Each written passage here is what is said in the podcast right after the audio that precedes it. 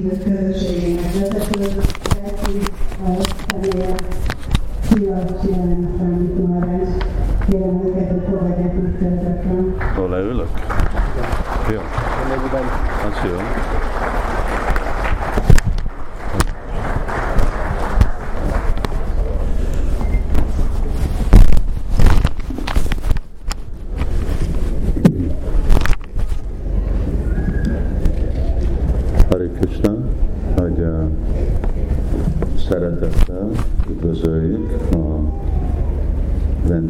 vendégünket, Krishna völgybe. Akartam mondani, hogy mai vendégünket, de vannak sok vendégek, akik nem csak ma jönnek, hanem itt maradnak az egész hétvégén, és főleg uh, nagy köszönetet azoknak, akik rendszeresen jönnek évente uh, Krishna völgybe, látni, hogy hogy fejlődik ez a projekte, Isten kegyelme és Szibakülöntös Swami Prabhupádnak, és, és hogy, hogy hogy nőnek itt a Krishna hívők is. És végre ez a célja ennek a, hát úgy hirdetjük, hogy egy biofarm, de végre több mint egy biofarm, és hogy itt nekünk van egy tehenészet, kertek és más szép dolgok. A igazi eszenciális aspektusa az, ami itt van, az a Krishna tudat. És ez az, ami át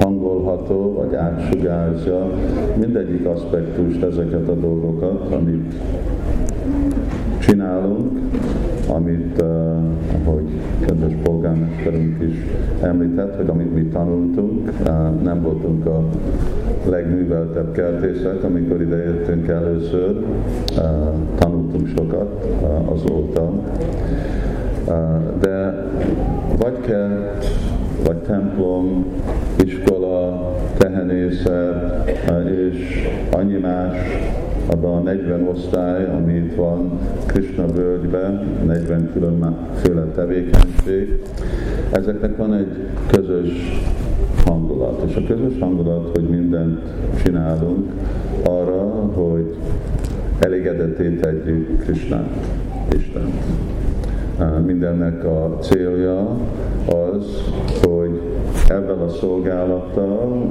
vagy azokat a tevékenységet, amit mi csinálunk, ez az alapon, hogy ajánljuk Krisnával, ebből lesz szolgálat. És így akkor az életünk kell szolgáljuk az Urat.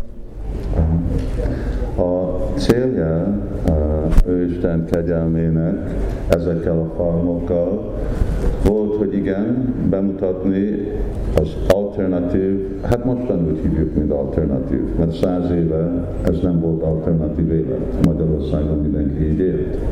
Többé-kevésbé, mondjuk pár városon kívül. De mostanában már azt mondjuk, hogy hát igen, ez alternatív élet, mert az élet, amit mi élünk, hát annak igazából kellenek alternatívák, mert nem visz minket arra a féle célra, amit mindenki keres az életből, és az az igazi boldogság. Mindannyian boldog akarunk lenni, sajnos a probléma az, hogy látjuk, hogy a mai világ, még hogyha annyiféle más ígéret van, vagy a sok időt és energiát, amit befektetünk az oktatásba, én magam is 18 évig tanultam. A szakma, ami utána jön, az a tanulás után, és az egész életmód, ugye volt valamikor egy ígéret, hogy számítógép és robotokkal fog csökkenni a mi munkánk. Amikor én mentem egyetembe, a számítógép az körülbelül fele olyan nagy volt, mint ez a szoba. Most az én mobiltelefonom biztos százszor annyit tud csinálni, mint a számítógép csinál. Hajlattunk előre, igen, sokkal kisebb lett, hasznosabb lettek a számítógépek, de még mindig nem csökkent, hogy mennyit kell nekünk dolgozni, inkább, mint úgy látszik, hogy többet kell dolgozni. Legalábbis Magyarországon, a franciák küzdenek, hogy próbálják egy 35 órás hetetbe vezetni, de hát be is vezettek, de egy olyan életmód csődbe viszi az egész országot, akkor vissza kellett menni a 40 órára. És ugye általánosan itt Magyarországon még többet is kell nekünk dolgozni. Szóval, és még hogyha kevesebbet dolgozunk, még mindig látjuk, hogy próbálunk szórakozni, de a szórakozás önmaga nem annyira egy boldogságnak a forrása. Viszünk, eszünk, táncolunk, másféle dolgot csinálunk, de a végeredmény az az, hogy még mindig nem vagyunk önmagunkba boldog. És akkor mit értünk el? Szóval szükséges egy alternatív, és azért Krishna völgynek egy alternatív, ami az, hogy hát igen, mert hívhatjuk, hogy most egy posztmodern világban lakunk, hogy egy globális falu lett az egész világunk, hogy végtelenül fejlett technológia van, de mindennek az eredményével az történt, hogy mi az eredeti gyökerünktől nagyon távol mentünk. Ugye ebbe a, a kis faluba, ahol 800 lakó van, ennyi templom volt. Miért? Nem csak Somogyvárosban, hanem mindegyik faluban, Magyarországon, Európában, világban voltak templomok. És mit csináltak azok a templomok? Hát azok a templomok nem csak helyek voltak, ahol emberek jöttek vasárnap imádni, de ez volt igazából a falunak a központja. Minden közösségi, minden szórakozás, minden templom között, ami azt jelenti, hogy Isten körül történt. De most már inkább nem ez a helyzet, inkább látjuk, hogy eh, vannak sokszor, amikor a templomok üresek, van, amikor el kell őket adni, azért mert uh, nem lehet fenntartani, és akkor valami más dologra vannak használva. Uh, szóval röviden arról szól, hogy a mi mostani világunk eltért a gyökerünktől, hogy most már nem Isten körül történnek dolgok. És hát ez úgy szó szerint ki van mondva, hogy egy szekuláris világban lakunk. Az azt jelenti, hogy Isten mondhat nekünk valamit vasárnap, vagy amilyen másnap, vagy egy szombat, vagy egy péntek, egy pár órát, de ne szóljon be a mindennapi életünkbe. De hát milyen ez szóljon be?